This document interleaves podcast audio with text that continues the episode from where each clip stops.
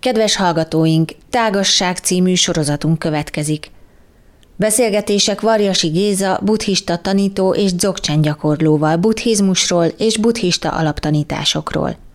A riporter Tóth Zsuzsanna. Kövesse Törvényből viszont a jó szeretnényesekkel, legjobbakkal kössetek barátságot. Beszélgetések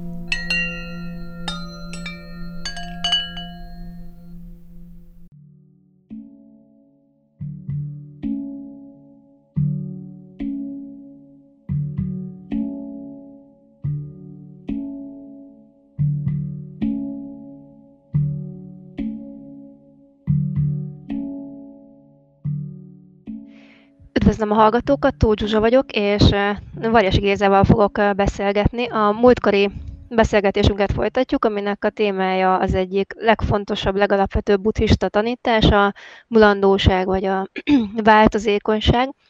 Múlt alkalommal eléggé sok szempontot felvillantottunk, ugye beszéltünk a, a tibeti halottas könyvről, az indiánokról, picit az állatokról, tehát nagyon sokféle szempontból próbáltuk megragadni ezt a kérdést, és most ezen a, ezen a vonalon, vagy ebben az irányban haladunk tovább. De Géza, először is szeretnélek arra megkérni, hogy, hogy picit foglald össze, hogy te mit gondolsz, mit volt, mit, mik voltak a legfontosabb gondolatok a múltkori alkalommal. Ez csak azért kérlek erre, hogy azok a hallgatók, akik most csatlakoznak hozzánk, ők is folyamatában lássák ezt, ezt a gondolatmenetet, amit, amit mi itt majd prezentálunk nekik. Hello hallgatók, üdvözlök mindenkit. Hát ugye kezdtük azzal a nem gyenge felütéssel, hogy minden, ami keletkezett mulandó, és ugye, hogy ez a, ezt a Buddha fontosnak tartotta megegyezni, pont mikor a parinirvánába belépett, pontosabban a halálakor, pontosabban amikor a parinirvánába belépett. Minden, minden ö, tanítványa ott volt, úgyhogy ez nem lehetett egy könnyű kijelentés egy ilyen nehéz helyzetben. Ugye, és akkor ez az, ami miatt a mulandóság, vagy hát nyilván nem ez az, de ez, ez is az a mondat, ami miatt a mulandóság olyan kitüntetett szerepet foglal el a buddhizmusban. És akkor beszéltünk egy kicsit a félelemről, meg a, a félelem és a halál összefüggéséről. Ugye pont, pont ez az előző helyzet, ez egy ilyen félelemmentes, kijelentésnek hatott. Tehát, hogy a Buddha nem azt mondta, hogy rettek, ilyetek fáradhatatlanul, hanem hát, hogy törekedjetek fáradhatatlanul, és a mulandóság az, egy, az is egy nagyon fontos megjegyzés volt, de ugye a mi kultúránkban van bizonyos távolsága haláltól. Nem, nem bolygattuk, hogy miért, de azért azért foglalkoztunk egy kicsit vele. És akkor, akkor így jött be a képbe a tibeti buddhizmus, meg a, meg a köztes létek, illetve az egyéb kultúráknak a, a továbbhaladás képzetei, mondjuk inkább ezt. Ö, mi volt még? Aztán, hogy a, a halál elfogadottsága ugye a különböző kultúrákban. Itt jöttek be az indiánok, jó nap ez a halálra, ugye ők képesek voltak ezt kijelenteni különböző szituációkban, és persze azok szerint, a hírek szerint, ami híreink az indiánokról vannak. Nem tudom, hogy ott voltunk-e. És persze akkor megemlítődött azt, hogy a, a halálra gondolás, a halál mint gyakorlat, akár a Dalai Láma szerint is, aztán, hm, aztán, aztán itt jött be az állatok világa, ja, nem csak a félelemnek a kapcsán, hanem a, a, a dolgok rendjével való mm, el, hát ezt nem is tudom, hogy mondjam, tehát hogy, hogy de, de mindegy, mert ami, ami miatt lényegesebb, az valójában inkább a félelem, ami a, ugye az állatok világát megkülönbözteti a többi hat világtól, ami majd később izgalmas lesz, illetve a tompasságból fakadó félelem, és már jön is egy kis állat. nem, nem megy, hogy te itt jössz, mész. És aztán az, hogy, hogy mi az, amit belevetítünk az állatok világába, meg egyáltalán a dolgok, tehát hogy itt azért, és mi az, mi, mi az amit projektálunk, és mi az, amit, ami valóban bennük lehet, ezt nem döntöttük el, csak azt mondtuk, hogy a természeti népek álláspontjára helyezkedünk egy pillanatra, mert ők, ők voltak azok, akik talán jobban otthon voltak ebben a közegben. És aztán még beszélgettünk.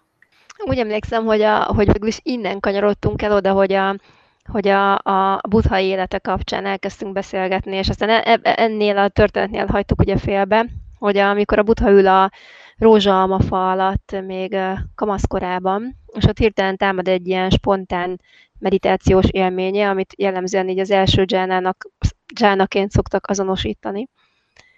És, és hogy ugye a butának a mulandósággal való barátkozása, meg ez az egész szellemi út, amit ő, ő bejárt, végül is ezt kezdtük egy picit boncolgatni, akkor ugye amikor lejárt az időnk, és akkor egy ilyen nagyon izgalmas ponton hagytuk abba, hogy ugye Butha, amikor a Butha úgy döntött, hogy mindenféle tiszteletet megadva a mestereinek, ő mégis tovább lép, mert nem pont azt az állapotot keresi, amit a, ahová a mesterei őt el tudják segíteni. Igen, igen, igen, erről beszéltünk, illetve még a természeti népeknél beszéltünk így a nyomolvasásról, meg arról, hogy milyen törvényszerűségeket lehet fölfedezni, vagy hogy lehet fölfedezni akár a szellemi világban, tehát hogy, hogy mit mutat nekünk a természeti népek mondjuk nyomolvasó képessége a szellemi világgal kapcsolatban, hogy milyen nyomokra lehet ráhagyatkozni, milyen törvényszerűségeket, hogyha fölismerünk, mire lehet használni, és akkor volt ez, hogy hát a mulandóság, és ami egyelő állandótlanság, és hogy a dolgoknak van egy ilyen őrült, hát nem is tudom, hajlandósága arra, hogy ne tartsák meg az adott formát, hanem mindig valamivé változzanak. Ilyen folyamatokban léteznek a dolgok, és hogy ezt akár a, a, a javunkra is fordíthatjuk, hogyha szellemi utazónak tartjuk magunkat bizonyos értelemben. És akkor jött ez a, ez a butály sztori, ami, ami ugye, ugye tényleg ott, ott érte el ezt a furcsa csúcspontját, aminél, amiről így leugrottunk, tehát tulajdonképpen, de most vissza-visszavetődünk, hogy, hogy ugye a rózsaalmafa, tehát ugye egy nagyon egyszerű dolog, dolog alá nem az a rózsalmafa, ami alá leült, de hogy egy nagyon egyszerű dologra emlékezett vissza, sőt, egy emlék tört fel benne, igazából ez, ez, ez volt a, a lényeg, tehát hogy, hogy a, a, az emlék az, az nem, nem egy direkt emlékezés volt, hanem, hanem egy, egy spontán mm, föltörő emlék, és akkor, akkor ezen a ponton szakadt el valahol a, a beszélgetés. Ugye, hogy, hogy, hogy a Buddha nem érezte a, a, a tanító, tehát a tanítóitól eltanult sok érdekes jóga, szemköztudiumok kapcsán, hogy, hogy elért valamit, hanem még mindig szenvedett gyakorlatilag valamilyen értelemben a egy inspirációtól. Igen, igen, tehát a, a, akár úgy is lehetne mondani, hogyha ugye magunk elé képzeljük a, a létkerék ábrázolást, ugye ahogyan a, ahogyan a buddhisták így, így, így vizualizálni próbálják, hogy hogy is néz ki a világ, vagy, vagy az emberi tudatnak a különböző árnyalatai vagy aspektusai hogy néznek ki, akkor azt lehet mondani, hogy a, a, az a két meditációs állapot, ahova a Buddha eljutott a tanítóinak a segítségével, az még mindig a körön belül volt, tehát még mindig a szamszárán belül volt, és ugye itt kanyarodunk vissza a beszélgetésünk témájához, hogy emiatt alá volt vetve a mulandóságnak. Tehát akármilyen emelkedett uh, tudatállapotok voltak, vagy meditációs állapotok, azokban ugyanúgy ott volt a szenvedésnek a csírája, ugyan, ugyanúgy ott volt a, a mulandóságnak a csírája, és ugye a buddha valami olyasmit keresett, ami, ami egy az egyben ebből a létkerékből, a szamszerából való kilépést garantálta volna, most ilyen csúnyán mondom. Tehát, hogy a, ugye a Buddha azt kereste azt a valamit, ahol nincs, ami nem keletkezett, nem születik, nem áll fenn, nem múlik el, nincs benne szenvedés, stb. és tehát azt a, az egy valamit, ami, ami pont, hogy kívül esik a mulandóságnak a, a, a terén. És akkor ugye egy jó érzékkel ezen a ponton állítottam meg a beszélgetést, hogy a második részen, résznél is legyenek hallgatóink, mert tényleg ez egy nagyon-nagyon izgalmas fordulópont a butha életében.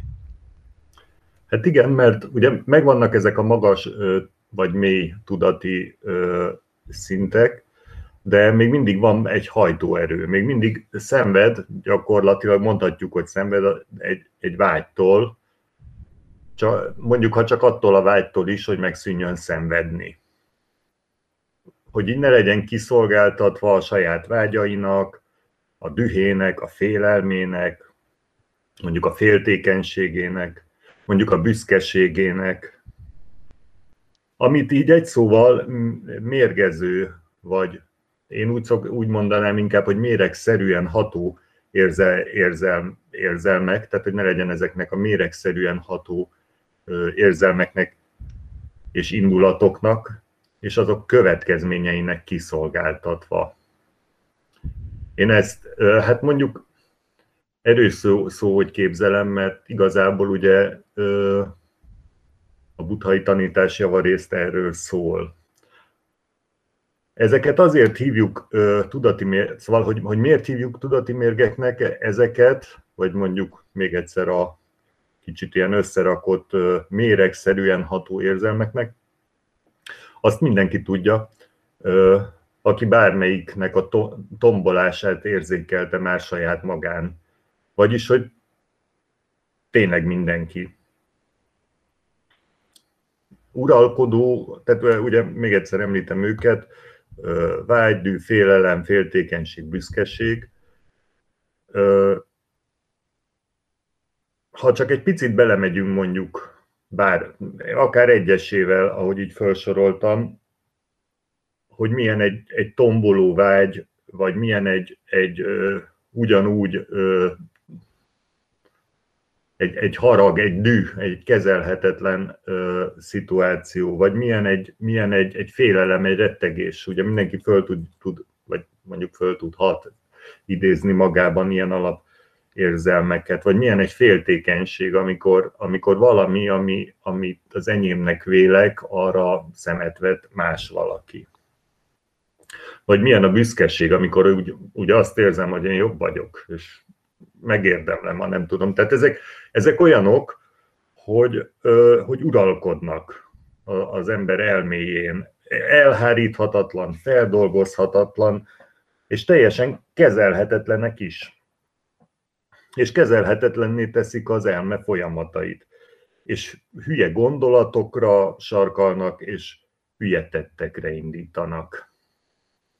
Tehát, hogy nyilván ezek, ezek, a, ezek azok a hát nem is tudni, hogy ezek már ezek okok vagy következmények, de minden esetre ilyen, ilyen görgetegek, lavinák. Legalábbis abban a pillanatban, mikor jelen vannak, akkor ezt így éljük meg. Úgy tűnik, ahonnan nézzük, hogy ilyen a világ. És ami még rosszabb, ilyen is marad, nincs kiút. Nincs támasz, nincs semmi, amiben hinni lehetne, nincs segítség úgy lehet lefesteni ezt érzékletesen, és, és aztán javítsatok ki, ha nem úgy van, mintha egy ilyen hideg betondobozba lennénk örökre bezárva. Vagy mintha, ugye más esetekben, tüzes acélfalak közé, és közben vaskampókkal tépnék a húsunkat. Szerintem ilyesmi élmények ezek a, ezek a tudati mérgek, és tényleg olyanok, mint egy rossz betegség, vagy egy mérgezés, csak lelki és tudati szinten. Felmerülésük pillanatában ezek a tudati érzelmek a teljes kilátástalanságba lökik az áldozatukat. És az, az, az lehetséges, most így visszatérve Buthához, vagyis hogy még nem Buthához, hanem Gótama remetéhez, hogy a sok-sok szellemi gyakorlat következtében ugye higgadtabb volt. Tehát könnyebben vette a dolgokat, jobban kezelte az indulatait.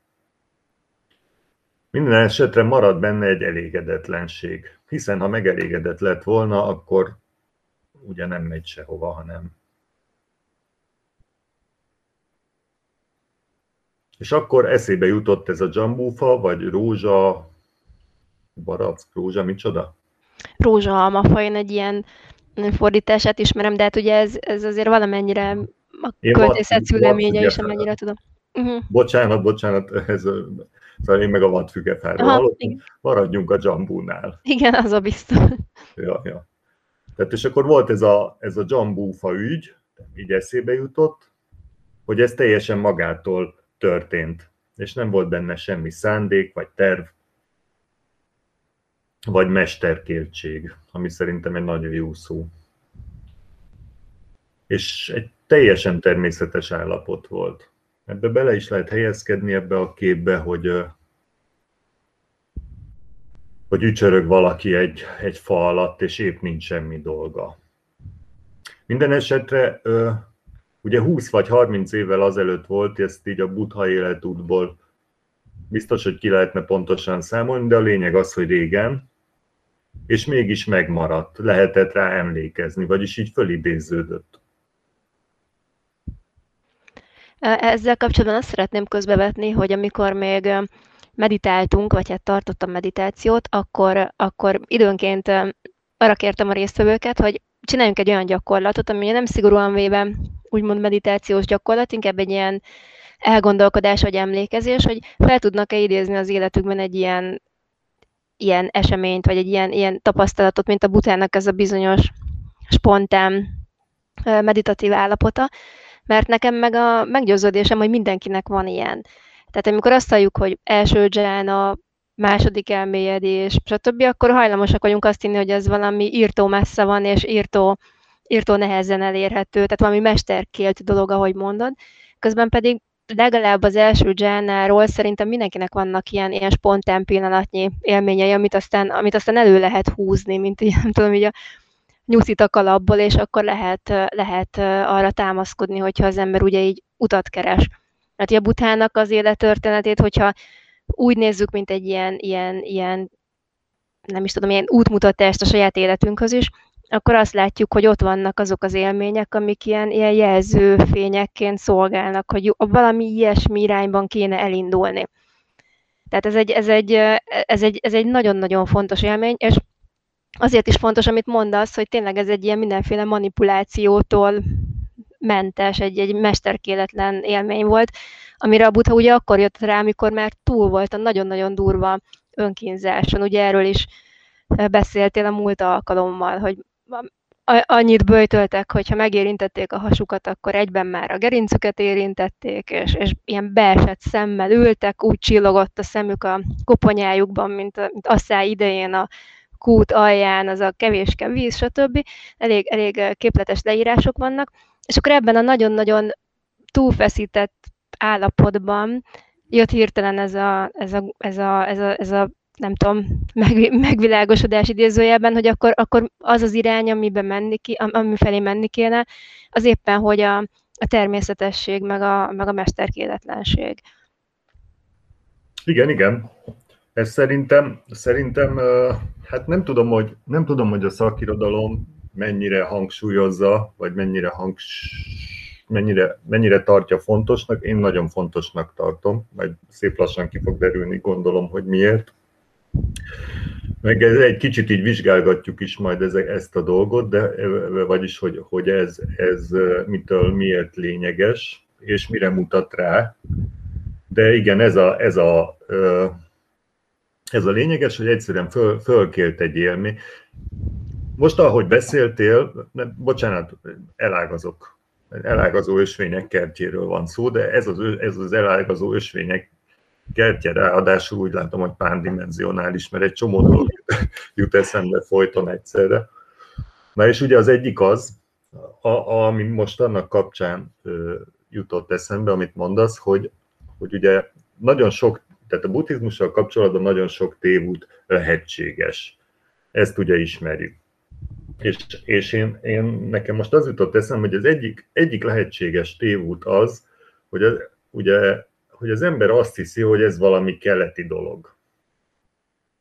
és, és akkor mellé elkezd ilyen suhogó vásznakat halucinálni, meg füstölőszagot, meg, meg ilyen, ilyen kicsit idegen, kicsit érthetetlen embereket különböző pózokban, aki után majd megy, és akkor majd talán egyszer megérti. Vagy mit tudom én. És, és, az a, és szerintem, és, és ezt onnan tudom ilyen nagyon jól, hogy pontosan én is, tehát ez nekem ez egy emlék. Tehát, hogy én, én amikor a, a, a keleti dolgokkal kezdtem el foglalkozni, akkor, akkor pontosan ez volt az elképzelésem, hogy nagyon közel akartam jutni valamihez, amit nagyon távolinak tartottam magamtól. És egyébként meg pontosan, hát nem tudom, ennek van-e fordítottja, de hogy, hogy, hogy ezek a képek vagy képzetek, ezek marha messzire elviszik az embert, holott ugye ez kultúra, kultúra független. Tehát most jó, hogy Butháról beszélünk, meg beszélgetünk, de, de itt nem arról van szó, hogy, hogy, hogy a keleti emberek valamit meg tudnak valósítani, amit esetleg a néhány odalátogató és évekig a nyomukba lihegő nyugati is megközelít, vagy nem közelít meg, hanem itt arról van szó, hogy a, a teljesen hétköznapi ember, embereknek, értve itt magamat például, is pontosan ugyanazok a ebben az értelemben pontosan ugyanazok a potenciálok vagy kvalitások vannak a birtokába, mint,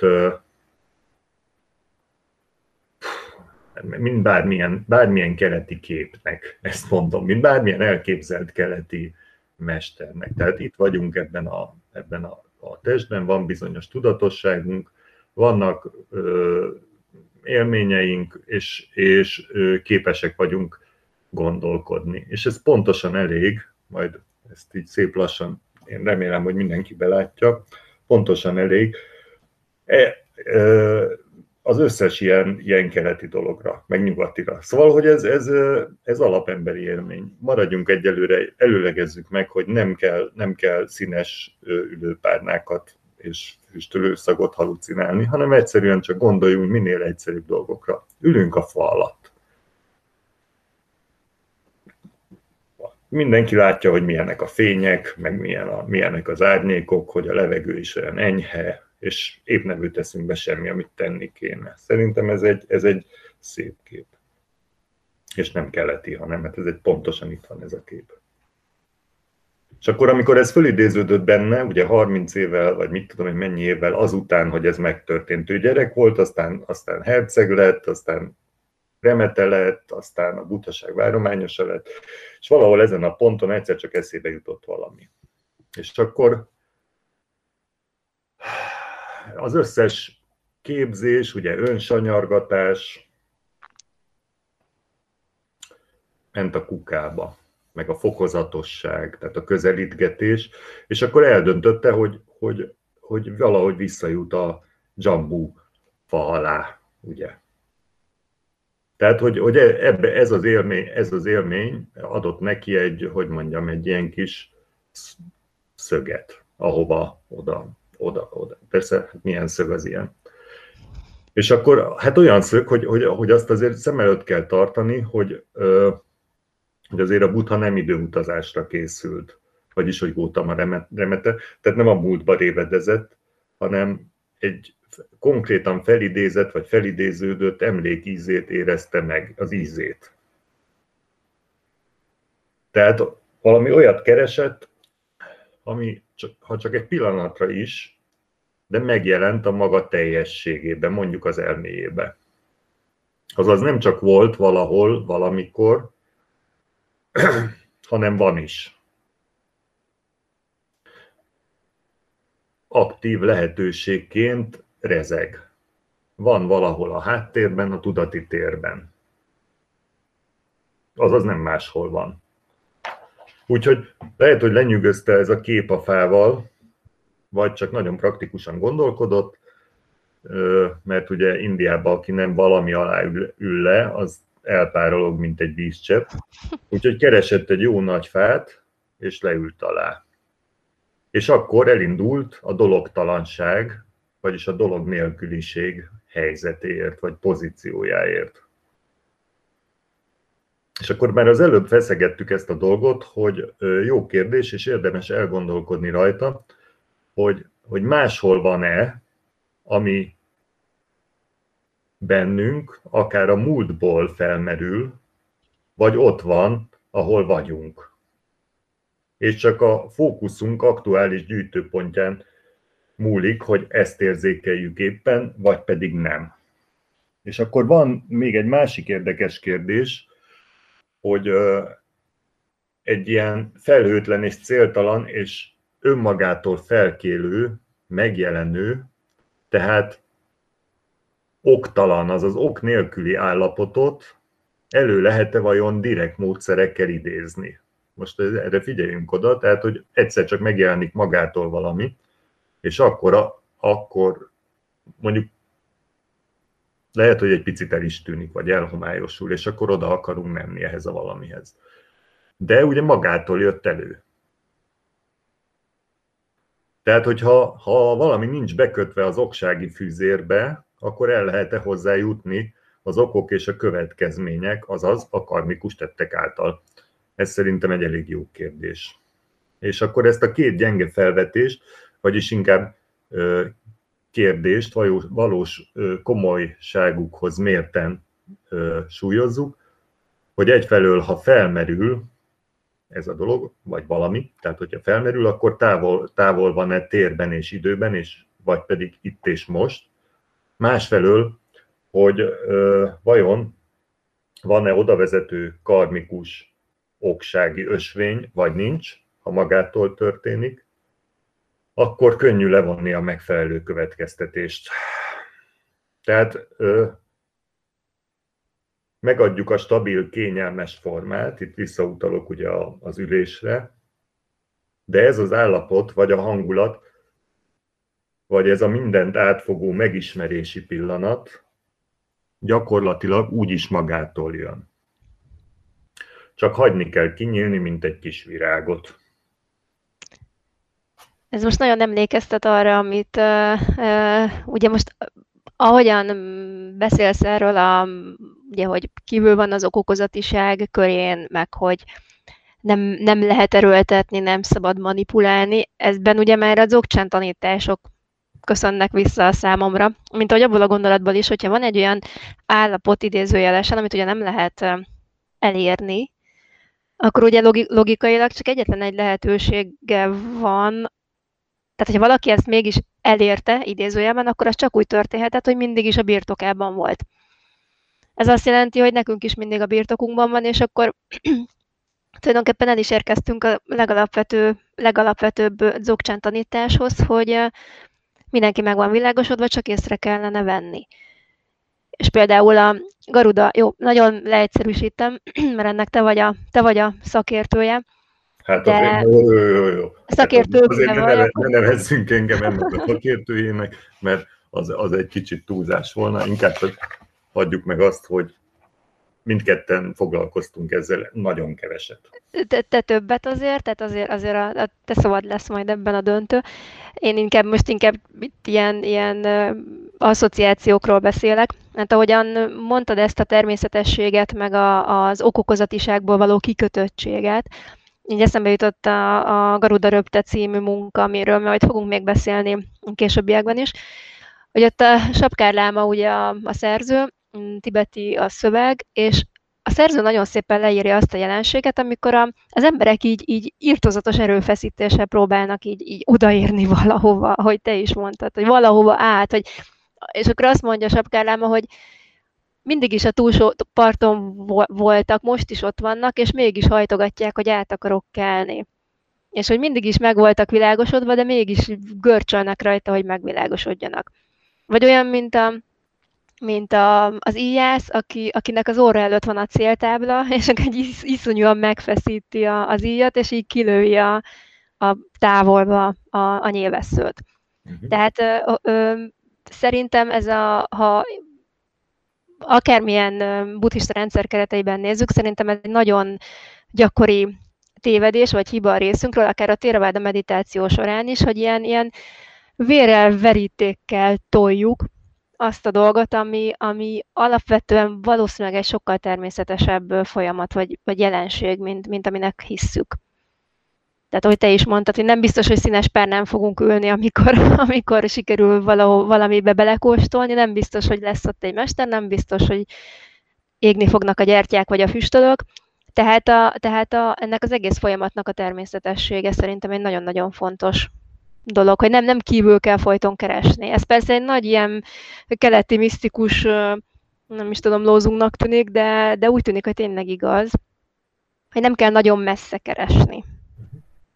Hát ugye te említetted a teravádát, de én éppen egyébként a valamelyik te általad küldött írásban olvastam, pont Teraváda mestertől, szintén ezt, hogy minden, ami erőlködés, az gyakorlat, hát most a saját szavaimmal mondom, nyilván nem tudom felidézni, de az egyfajta mondjuk betegség, egy tudati betegség. Hát, tehát, hogy minden, mindent a lehető leglazább. Tehát én azt gondolom, hogy aki, aki úgy érdemben foglalkozik ezzel, vagy van bizonyos szintű tapasztalata erről, az már nem fogja a tanítványait arra buzdítani, hogy rohanjanak egy elérhetetlen cél után, csak szerintem arra fogja buzdítani, hogy, hogy ne hagyják magukat önmaguk által lerázni.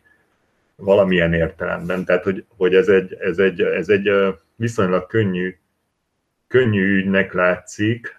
Most eszembe jutott hirtelen az egyik elágazó ösvény, hogy, hogy van ez a mondjuk zen történet, amit most lazán fogok idézni, mert nincs előttem a papír, vagy hogy hívják ezt a könyv, hogy, hogy, hogy, hogy, hogy? Ugye a tanítvány faggatja a mestert, ugye ők mesternek hívják azokat, akiket tájékozottak a témában, hogy, hogy hát mégis ezzel a megvilágosodással hogy is van, és akkor a mester egy ideig hümmög, aztán föláll, pisál egyet, bocsánat, vizel, visszajön, és azt mondja a tanítványnak, hogy látod, még ezt a kis dolgot is magamnak kell intéznem. úgyhogy, úgyhogy, úgyhogy azzal, a, azzal az elképzeléssel is, hogyha valakinek van ilyen ideje fölhagyni, hogy, hogy, hogy túl sok, tehát hogy, hogy mondjam, túl sok mindent tud intézni helyette egy mester, mert nem, nem, nem tud gyakorlatilag semmit, legfeljebb ösztökélheti a tanítványt, hogy tegye meg azokat a lépéseket, amikre szükség van, illetve, ugye és itt most visszatérünk a, a, a témánkhoz, mert az, az, azt a kijelentést lehet tenni, ugye itt a, a fa alatt tücsörögve, hogy ebben az olvasatban a hagyás a művészet. Tehát az, hogy ö, ne akarjuk megcsinálni.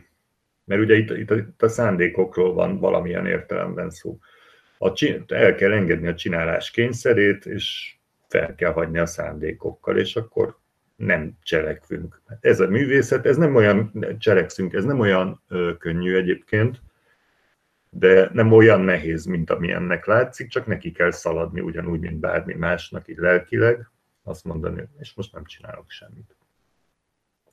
És akkor van ez a másik bökkenő, amit szintén te említettél, hogy, hogy ugye a Buthának volt ez az élménye, de nekem nem. Ez a kulcsélmény, ez a falat tücsörgős elcsöndesedés. És akkor, akkor nincs mire emlékezni, és akkor ez most hogy, de ugye ezt is mondtad, hogy, hogy tapasztalatod neked is, meg egyébként valamilyen értelemben nekem is, hogy amikor ez szóba kerül, egy bizonyos társaságban, vagy bármilyen társaságban, amelyik ugye neki ilyen a humora, úgy értem, hogy hajlandó ezzel foglalkozni, vagy, vagy éppen, hogy ez a fő kutatási területe, tehát hogy olyan társaságokat is ismerünk, akik ezt tartják a legérdekesebb dolognak, és csak a második vagy a harmadik helyen van minden más. Nem minden más, de mondjuk az, hogy a társ, társasági témák és hogy mindenki föl tud, föl tud idézni legalább egy, de inkább néhány olyan élményt, és akkor ezt most így mondjuk, hogy mint amikor, hogy, hogy amikor az erdőben elhallgatnak így a madarak.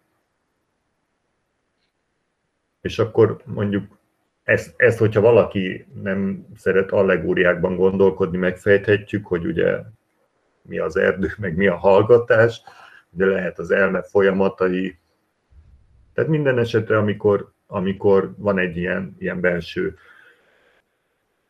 lelki tapasztalat, és az szintén saját tapasztalat, hogy legfeljebb az lehet a probléma ezzel kapcsolatban, hogy az elménk az okság szerelmese, ezt bátran kijelenthetem, és nem hajlandó ezt a tapasztalatot a to-do listen tartani.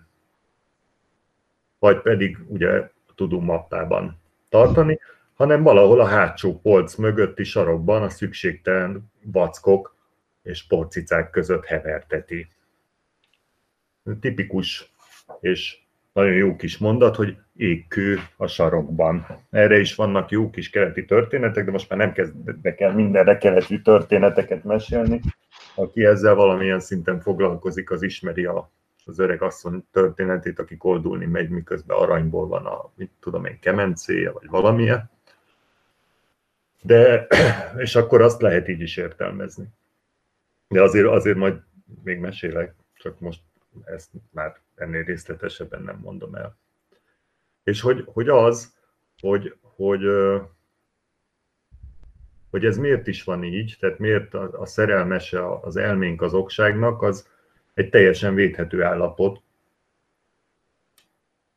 mert a, a személyiség értelem, tehát az, a személyiség értelem által, által uralt, rendkívül zajos nagy üzemében, vagy boszorkány konyhájában, az összes transzparensre a létért folyó küzdelem van 10 méteres lángoló betűkkel kiírva, hogy egy másik klasszikusból is ugye idézzünk. És ezért ugye ott bent, tehát az elme folyamataiban mindenki stahanovista. Tehát az minden pillanatot kihasznál a megjelenésre, hogy úgy mondjam, olyan, mint egy reklámügynökség. Tehát, hogy ott nincs olyan nagyon-nagyon drága a gépidő, vagy nagyon-nagyon drága a, nem tudom ezt hogy hívják pontosan, a, a reklámidő. Reklámidő, aha. aha. aha, aha. És ezért aztán mindenki, mindenki ott meg akar jelenni, és csak dobálja a gondolatokat. Ezt ismerjük. Egyébként most is ez megy mindenkinél. Vagy nagyon-nagyon remélem, hogy nem mindenkinél, de van egy ilyen háttértudásom, hogy azért, de és egyébként nálam is.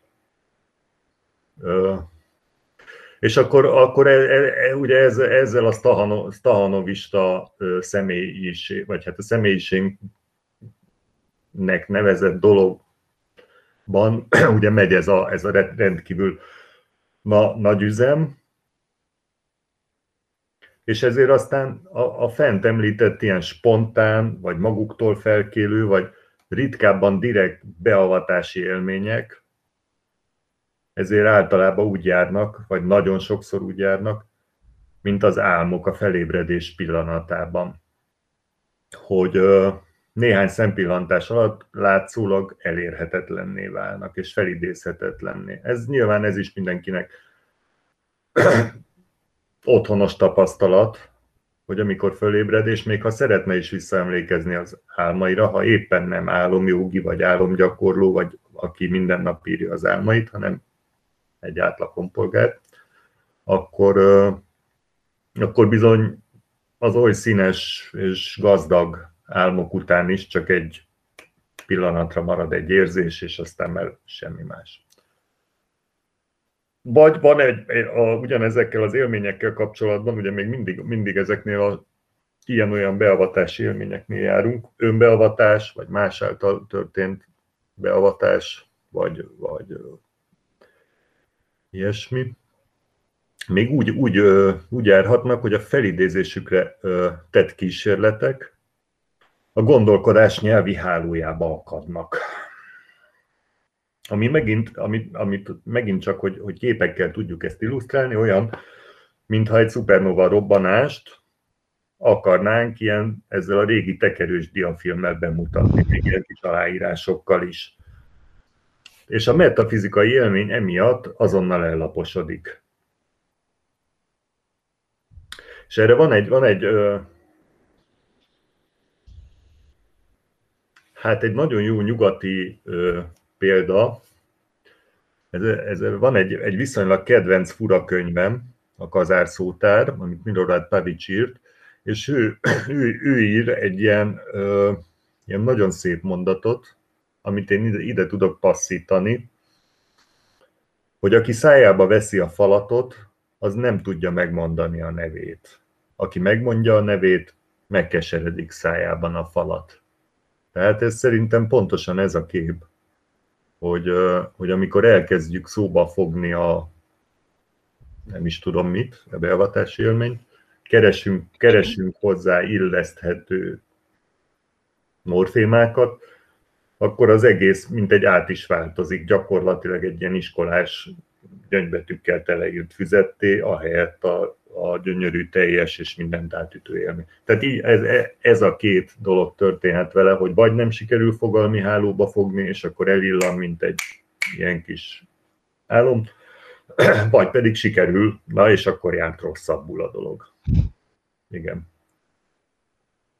De az a jó hír, hogy ezek az élmények azért nem tűnnek el véglegesen, hanem, és nem is semmisülnek meg, és nem is elérhetetlenek, hanem elérhetők. Pontosabban elérhetnek minket, ha elérhetővé tesszük magunkat a számunk, számukra. Ami megint egy érdekes felvetés, hogy gyakorlatilag csak ugye hagyjuk, hogy elérjenek. Meg aztán végig lehet gondolni, hogy ki mekkora energiát fektet valaki abba, hogy ezt a természetes állapotot, amiről már eddig beszéltünk, elérje. A butának is beletelt némi időbe, amíg ehhez, ehhez megérkezett, ö, pedig ugye ő már tudta, hová indul, bár mondjuk, hogyha nagyon-nagyon korrektek akarunk lenni magunkhoz, akkor egy ideje már arról beszélünk, hogy hát mi is tud, tudhatjuk, hogyha egy kicsit komolyabban utána nézzünk. És a körülményei is viszonylag ideálisak voltak, hiszen elvonuláson volt.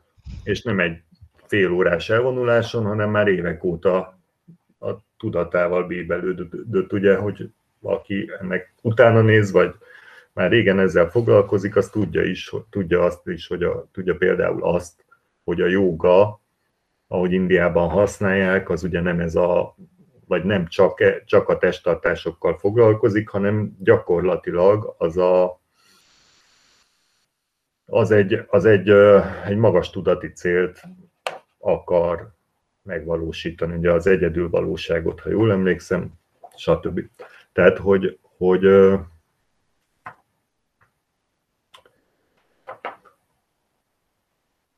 mikortól elment otthonról a butha, onnantól fogva egy non-stop, vehetjük úgy non-stop elvonuláson volt különböző körülmények között, és még innen is tartott neki valameddig, amíg elért oda, ahonnan sosem mozdult el. Na ez milyen mondat? Mert hogy, hogy amikor fölmerül ez, a, ez a, az állapot, addig mennyi szenvedésen hajtja végig az embert a vágy, például, ugye itt megint előkerül a vágy, akár ha az a vágy, hogy megvilágosodjon, vagyis, hogy elérje a megvilágosodást, vagy a felébredést, hogy felébredjem. Mintha ez valami lenne, ami, ami valahol máshol van és, és legfőképpen másmikor, és nem itt, és nem, le, és nem most. És akkor már sejtjük a választ a kérdésre, hogy akkor hol és mikor. Szerencsére a butha, amikor már ugye butha volt, tehát már mondhatjuk, hogy butha volt, ezt meg is mondta rögtön, mikor tanítani kezdett, és elmondta a tan kerekét megforgató Benáresi beszédet, meg később a, azt a nagyon szép beszédet a tűzpapoknak, ugye a tűzbeszédet, hogy amennyiben úgy látjuk, hogy van még némi teendőnk ez ügyben, úgy a munkaterület a szomj. Vagyis a vágyak, amikről pontosan lehet tudni, hogy hol és mikor vannak. Ezt elárulom, és bár szerintem ö,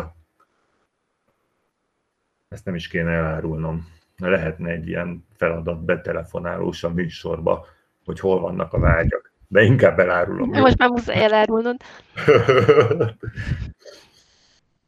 hát itt és most. Tehát, hogy, hogy mindenhol és mindenkiben, ha nem ájult, vagy alszik nagyon mélyen, vagy nem halott, akkor éppen most is van valami, ami valaminek az elérése felé hajtja, vagy valaminek az elkerülésére ösztönzi. Vala, ugyanaz az esemény játszódik le a tudatban, számtalan alkalommal, új meg új ruhában. Innen el, és oda. És ennek sokszínű variá- variánsai. Gyakorlatilag ennyi az egész. És éppen ezek a tudati folyamatok, amiket górcső alá lehet venni. Úgy értve, hogy megvizsgálni. És erre ugye a megvilágosodás utáni vágy az éppen olyan megfelelő, mint bármilyen más irányba mutató, bármilyen más hétköznapi vágy, vagy bármely tárgya mutató, bármely néven nevezhető egyéb tudati mozdulat. Minden gondolat, minden érzelem, minden késztetés mind alkalmas arra, hogy felismerjük a megkülönböztetés világát, ami felosztódik énre és más valamire. Én és más valami. Itt ülök én, és ott vagy te. Vagy itt ülök én, és ott egy kutya ugat a távolba. Én és más valami.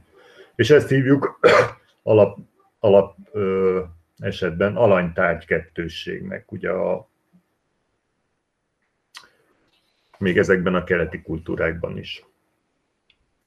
És akkor ennek itt nincs is vége, mert itt nem szokott megállni ez a, ez a folyamat. Ez, ez azért, azért mondom ilyen viszonylag lassan, mert ezek szerintem iszonyat fontosak. Tehát, hogy, hogy minden egyes ö, tudati mozdulatunkban benne van, van ez a kettősség, hogy már eleve, az összes tudati mozdulat már eleve így kezdődik, hogy én valamire mozdulok valamit.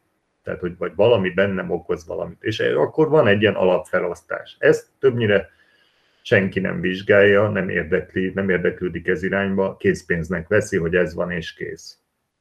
De ez már egy bemozdultság, tehát hogy az alap, alaptól való elmozdultság, mint azt majd később talán megértjük. Most egyelőre előlegezzük meg. Tehát van ez a bemozdultság, én és más. És ez, ez nyomon érhető az összes tudati mozdulatban, eddig erről beszéltünk.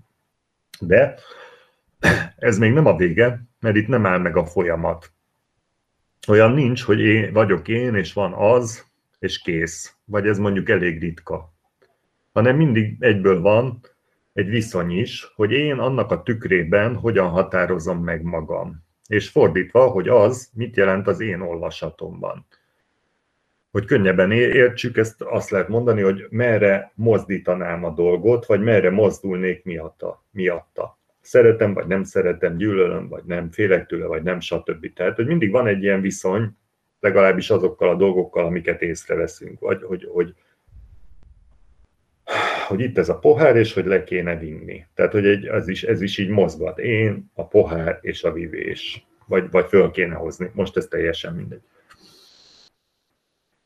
És ö, most már ez így szétszállazva, elég egyszerűnek tűnik, de általában sokkal izgalmasabb és nehezebben megfogható, ilyen sodró dinamizmusú szituációkba találjuk magunkat, ahol többnyire nem a filozofálás és a lelassulás és a megismerés utáni sóvárgás a fő hajtóerő, hanem egy legalábbis látszólagosan kényszerítő feszültség az azonnali, önazonos döntésre és a vágyott eredmény elérésére pro vagy kontra. Ez azt jelenti, hogy, hogy elérésére vagy elkerülésére. Tehát, hogy valamit elkerül, mindegy, nem is ez a lényeg, hanem, hanem az, hogy, hogy az ember, ember általában nem szedi szét ezek, ezt a olyan, mint a Rubik kockát régen ugye úgy raktuk ki, hogy szétszettük.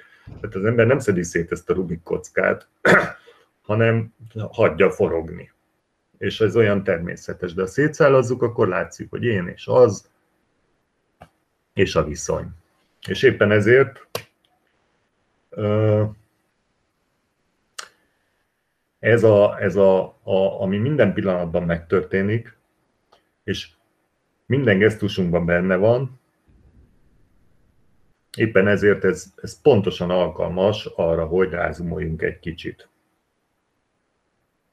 Ez még akkor is igaz, hogy ugye vágy vagy elkerülés, ha a fő témánk a buddhizmus, vagy a megvilágosodás. Holott a valóságot a maga teljes fénylő, pompázatos és gyönyörteli formájában csak ennyi, néhány tudati mozdulat választja, vagyis hogy próbálja eltakarni előlünk. Tehát, hogy választja el, vagy próbálja eltakarni előlünk. Az én és a más megkülönböztetése, illetve a viszonyba helyezésük. Mondhatnánk, hogy ez spontán megy, tehát helyeződésük, de hát vállaljunk már felelősséget azért, amit csinálunk. Itt ezen a ponton még azt is hozzátenném, hogy hogy adott esetben ijesztő is lehet, ugye, hogyha az ember a, a, azt hallja, hogy ezt az én és a más ö, megkülönböztetést ezt fel kell adnia, mert ugye egyrészt ebben van egy ilyen, mert hogy akkor visszakanyarodjunk a mulandósághoz, van egy ilyen félelem, hogy akkor én ugye most meg fogok szűnni, holott azelőtt is csak ebben a relációban léteztem, tehát egy maximum egy, egyfajta koncepció megszűnik, és mondjuk majd helyébe lép valami más, rossz esetben.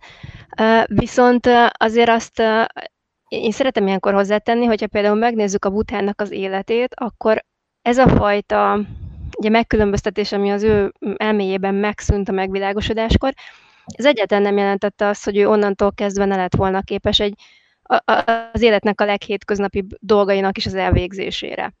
Tehát ugyanúgy beszélt, ugyanúgy jött-ment, felöltözött, levetközött, lefeküdt aludni, felkelt, megborotválta a fejét, stb. Tehát, hogy, hogy, hogy nem, nem az történt, hogy egy ilyen, ilyen teljesen mert, mert, mert tudom, hogy ez a, ez a megkülönböztetés mentesség, ez, ez, ez lehet egy kicsit ilyen, ilyen lila, hogy most akkor az ember hogy él tovább onnantól kezdve, hogy nem tudja megkülönböztetni a, magát a másoktól, de ha a butha életét nézem, mert én csak onnan tudok informálódni, mert saját tapasztalatom erről nincsen, akkor azt látom, hogy éppen, hogy kiteljesedett a működése.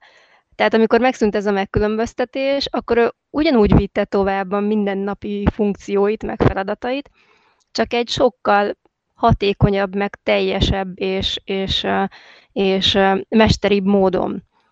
Ezt csak azért teszem, hogy egy picit így ellen, ide, hogy picit így, így a dolognak a másik oldalát is felvillancsam, hogy ez, ez a fajta a megkülönböztetésnek ez a fajta megszűnés, ez nem jelenti azt, hogy az ember akkor kilép a hétköznapi életből, és nem, nem lesz képes annak a teljesen értelmes folytatására.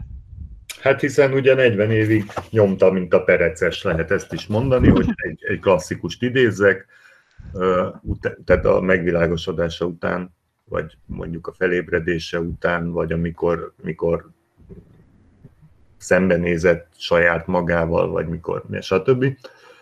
Akkor utána még 40 évig, és mondjuk fönnmaradt egy könyvtárnyi irodalom, ami gyakorlatilag csak az ő szavait mondja, és nem butál, nem, nem, nem ez a güle-güle lógó nyálú izé, meg nem napsugaras ezoterikus szöveg, hanem mindig pontosan a kérdésre válaszoló és a tárgyra, tárgyra mutató és a helyzetet megvilágító beszédekről van szó, mindig aktuális, sose általános, szóval, vagyis, hogy hát a helyzethez mérten általában inkább aktuális, mint általános, amennyit én ebből olvastam.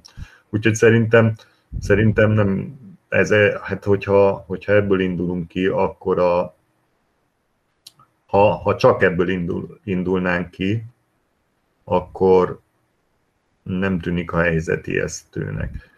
Illetve, ugye, hát ezt most nem tudom, hogy, hogy, hogy tegyem képes beszédé, de a lényeg az, hogy, hogy ugye ha már most ezt megbeszéltük, hogy valami olyan dolgot keresünk, ami van, akkor az tehát a birtokunkban van, már most.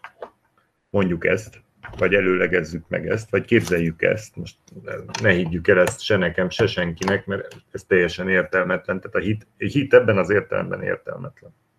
Hanem csak előlegezzük meg. És, én nem mondom, hogy, hogy nincsenek az emberben olyan tudattartamak, amik ö, esetleg ijesztőek lehetnek, mert hát nyilván vannak, de,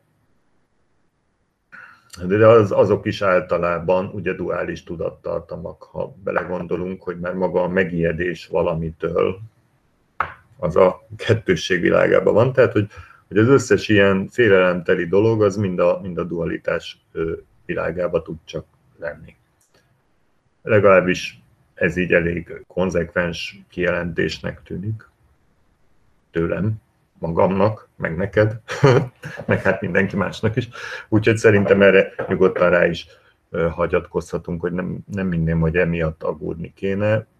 Természetesen, ha valaki épp egy nagyon rossz ponton találja magát, akkor nyilván lassítson, vagy kérjen segítséget.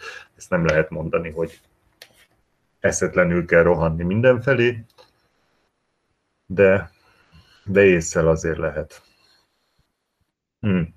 Úgyhogy ott tartottunk, és onnan fogom folytatni, hogy, hogy megvan ez az én és a más fogalma, és a viszonyba helyezésük. És ez, ez szerintem nagyon fontos, és azért is fogalmazok ilyen direkten, hogy ne érezze azt senki, hogy ez csak haladott gyakorlóknak szól. és hogy viszont ő meg ennek ki van szolgáltatva, valamilyen okkult, okkult és ezoterikus körből ki van zárva. És sajnos semmit nem tehet ez ellen.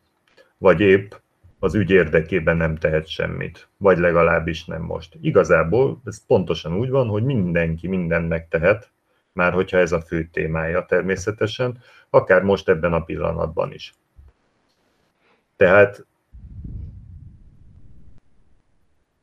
ilyen szempontból nem ártalmas egy bármilyen vágy, vagy nem ártalmasak és elkerülendőek a vágyak, illetve a hanem épp hogy hasznosak a társaikkal, konkrétan bármelyik tudati mozdulattal vagy mozzanattal egyetemben.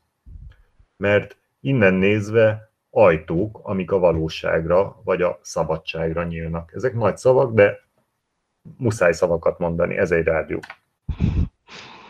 A, még a vágyak kapcsán az jutott eszembe, hogy, hogy a buddhizmus is megkülönbözteti ugye a, az ilyen, ilyen jó irányú vágyakat, vagy, vagy az ilyen, ilyen etikus irányba mutató vágyakat. Most az eti, etikus adat azt értem, hogy, hogy szellemi erő előrehaladáshoz, a szenvedés megszüntetéséhez, a megvilágosodáshoz vezet, vagy legalábbis arra mutat, mert ugye oda vezetni talán nem tud, de de hogy ugye nem arról van szó, hogy minden vágyat kiöl magából az ember, hanem hogy megvizsgálja a vágyait, hogy mi az, ami, ami tiszta motivációjú törekvés, hogy akkor ezt a szót használjam, és ne ezt a annyira a rossz hírnevű vágyat. Hogy csak hogy ne essünk abba a csapdába, hogy akkor ugye szeretnénk valahová eljutni, de közben nem vágyhatunk erre, mert akkor nem jutunk el sehova. Mert ez egy ilyen, ilyen, ilyen csapda, csapda helyzet lenne.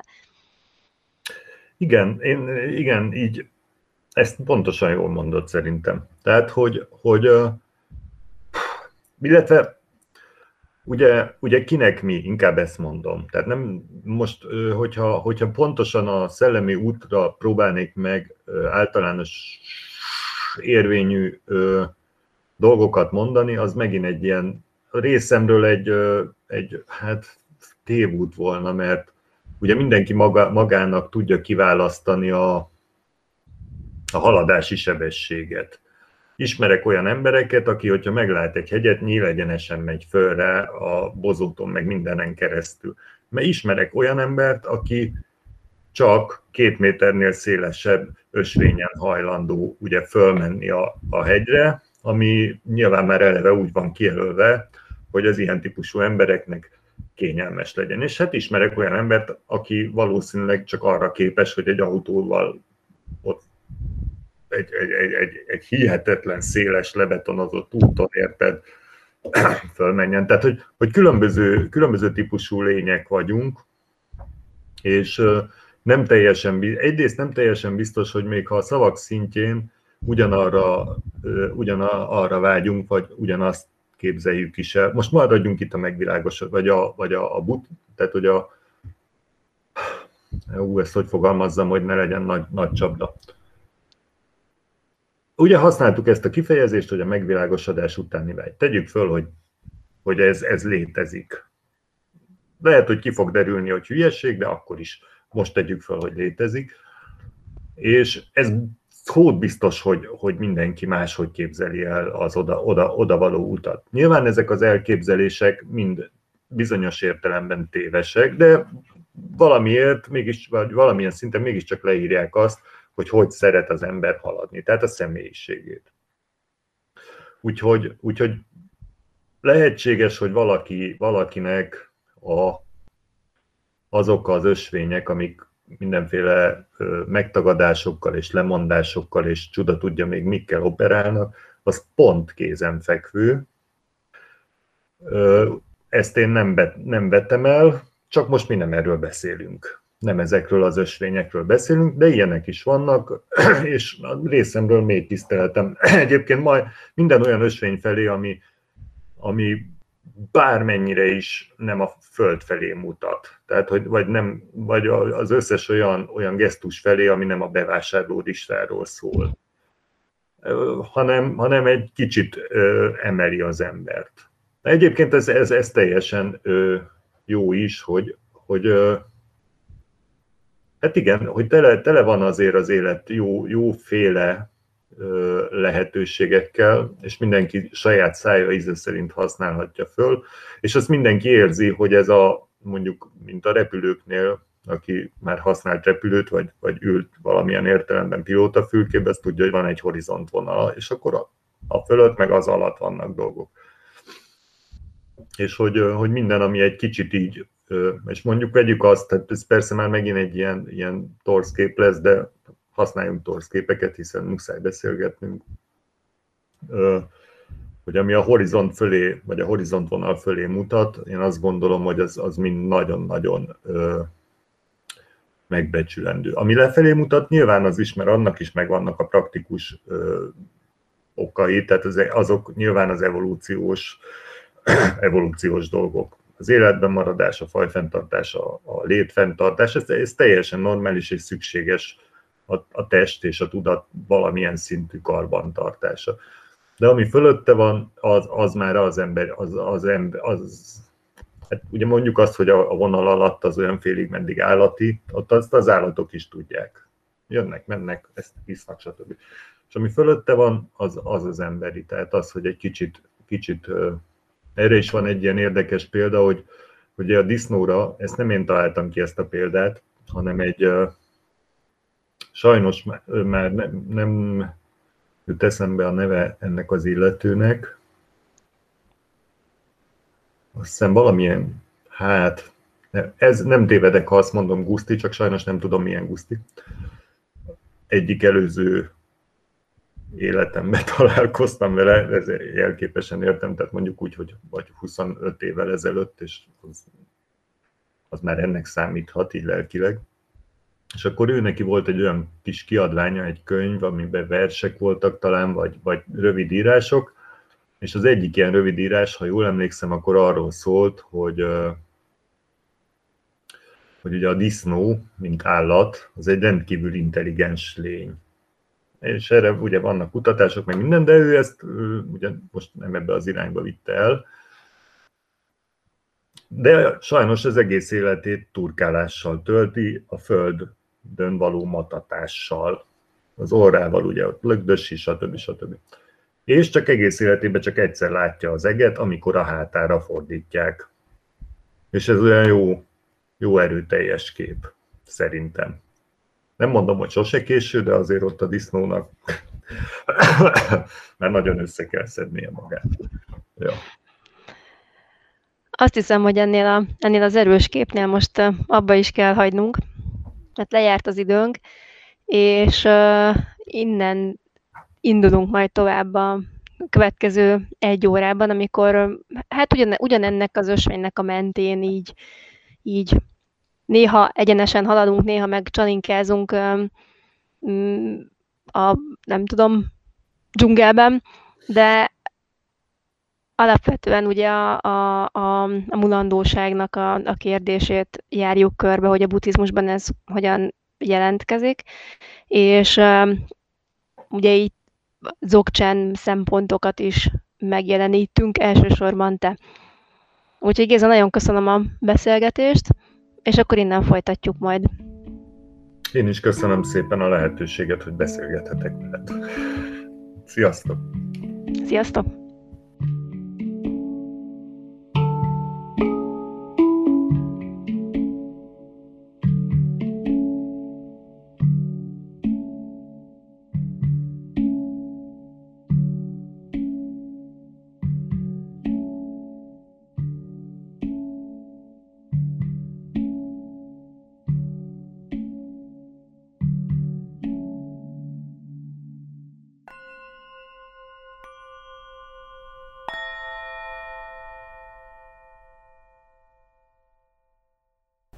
Tágasság című sorozatunkat hallották. Beszélgetések Varjasi Géza, buddhista tanító és dzogchen gyakorlóval buddhizmusról és buddhista alaptanításokról.